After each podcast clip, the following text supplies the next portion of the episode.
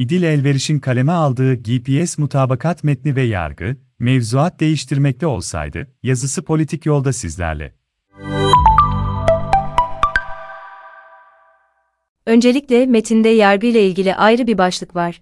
Ancak bundan önce, Cumhurbaşkanlığı hükümet sistemi neden yanlış altında dile gelen hususlar arasında yargıda ele alınmış. Burada yargının bağımsızlığı ve tarafsızlığının partili Cumhurbaşkanı tarafından yok edildiği ve kendisine tanınan yetkilerle Hakim Savcılar Kurulu'nun, HSK yürütmenin vesayetine girdiğinden bahsediliyor. Yargı bağımsızlığı ve tarafsızlığındaki sorunlar adeta bu hükümet sistemi değişikliği nedeniyle meydana gelmiş gibi yazılmış. Oysa aynı yürütme yargıda Gülenci kadroları öne çıkardı bu kadrolarla birçok hukuksuzluğun yolunu açtı. 2010 referandumunda HS'de değişiklikler yaptı. Bu değişiklikleri sonra geri aldı. Böyle önemli bir metne bu değerlendirme ile başlanması, yargıdaki sebep o sonuç ilişkileri bakımından yanlış bir yerden yola çıkıldığını düşündürüyor. Bunun ardından hakimlik teminatının bir unsuru olan coğrafi teminatın olması gerektiğinden bahsediliyor. Bir yargı mensubunun görev yaptığı şehirden istenildiği zaman alınıp, başka bir yere gönderilememesi ve ailesi ve kendi hayatının zorlaştırılamaması anlamına gelen bu teminatın olmaması,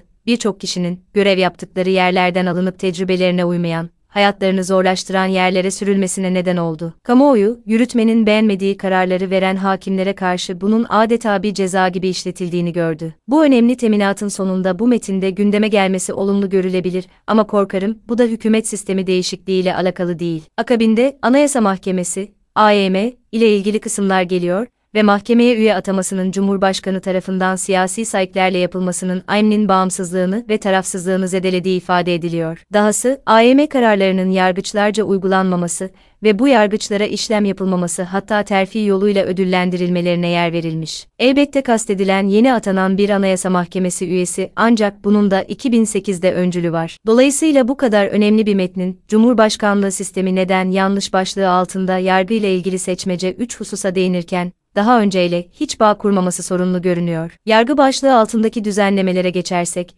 GPS'de yargı bağımsızlığı ve tarafsızlığını sağlayabilmek ve yargının hızlı, etkin ve verimli çalışarak adil kararlar vermesini sağlamak gibi önemli hedeflerden bahsedilmiş. Yargı konusunun sadece bağımsızlık ve tarafsızlık ekseninden değil hızlı, etkin ve verimli çalışma bakımından da değerlendirilmesi şüphesiz önemli ama konu orada bırakılmış görünüyor. Dahası, yargıda hesap verebilirlik tamamen atlanmış bir mesele. Yargı gibi reform yorgunu ve darbe girişimi sonrası personelinin neredeyse üçte birini kaybetmiş bir kurum tekrar reform edilmek istenirken, atılacak adımların ve bunların sırasının iyi düşünülmesi gerekiyor. Gel gör ki, düşünülen ilk çözüm hıskının tekrar, yeniden yapılandırılması ve yüksek yargı kurulları ile yüksek yargı organlarının yapıları, bağımsızlıkları ve demokratik meşruiyetleri güçlendirilecek ve yürütme organının müdahalesine engelleyecek tedbirler alınması. Bu yapısal değişikliklerin vatandaşların hak arayışları için karşılarına ilk çıkan yer olan bulundukları şehirlerdeki mahkemelerin hızlı, etkin ve verimli işlemesiyle pek ilgisi yok. Yine de değişiklikleri ele alırsak, yargıç ve savcılığın farklı görevler olduğunun sonunda anlaşılarak,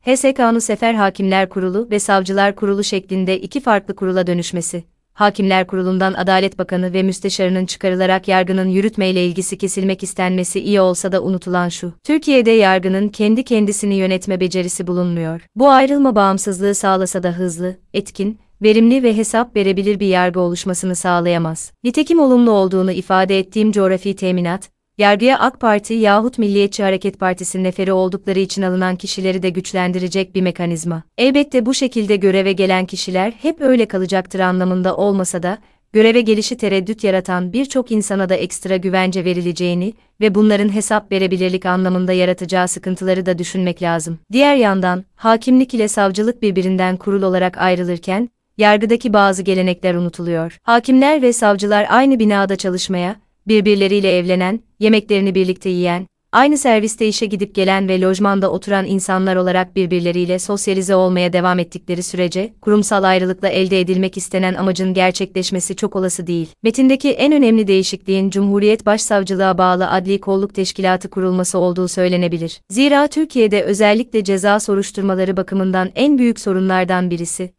savcılara bağlı bir polis gücünün olmaması ve savcının istediği soruşturmalarının yapılması için emniyet ile iyi geçinmek zorunda olmaları. Daha önce defalarca gündeme gelen ama emniyetin gücü nedeniyle yapılamayan bu reform, eğer gerçekleştirilebilirse, en azından ceza soruşturmalarının bağımsızlığı bakımından önemli bir adım olacaktır. Metinde hakim ve savcıların mesleğe kabullerinde ve yükselmelerinde objektif kriterler esas alınacak deniliyor. Aslında bu kriterler zaten objektif dolayısıyla burada murat edilen şeyin ne olduğu tam anlaşılmıyor. Bunun dışında bir dönemin yanlışlarının düzeltilmesi adına özel yargılama usullerine ve özel yetkili mahkeme uygulamasına son verilmesi, sulh ceza hakimliklerinin görev, yetki ve işleyişleri hukuk devletinin gereklerine göre yeniden düzenlenmesi ve tutuklama gibi konularda sıkıntı yaratan uygulamaları engelleme çabası var. Uygulamada sorun olan bu hususların somutlaştırılmadığı müddetçe nasıl düzelecekleri belirsiz. Keza tutuklama düzenlemelerinde yapılacak değişikliğin uygulamada sıklıkla görülen tutuklama kültürünü bir anda bitirmesi mümkün değil. Dahası yargıda darbe girişimi sonrası dönemde yeni personelden yeterince verim alınamadığından,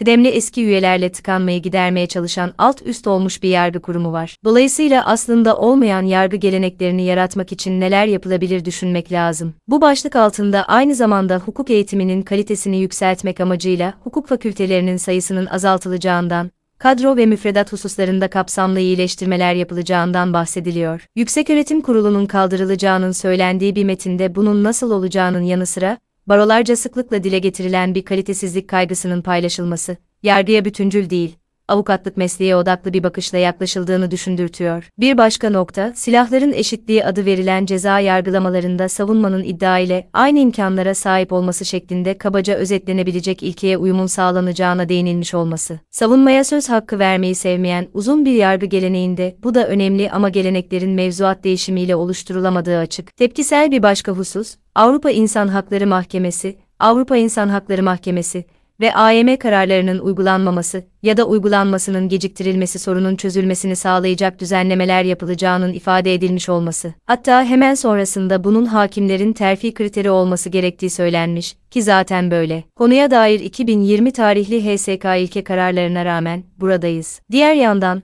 görevini kötüye kullanmak suretiyle AYM veya AİM'nin verdiği hak ihlali kararına sebep olup devleti tazminata mahkum ettiren ve zarara uğratan yargı mensuplarından bu tazminat ve zararın istenmesi sağlanacak denmiş. Bu yönde de düzenleme var ve bu tazminatları yargı mensupları değil, halk ödüyor. Bunun sebeplerinden birisi de bir dosyada tek bir kişinin değil birçok hakim ve savcı görev yapması ve hangisine ne için rücu edileceği tespit edilememesi. Konuya devam edeceğim.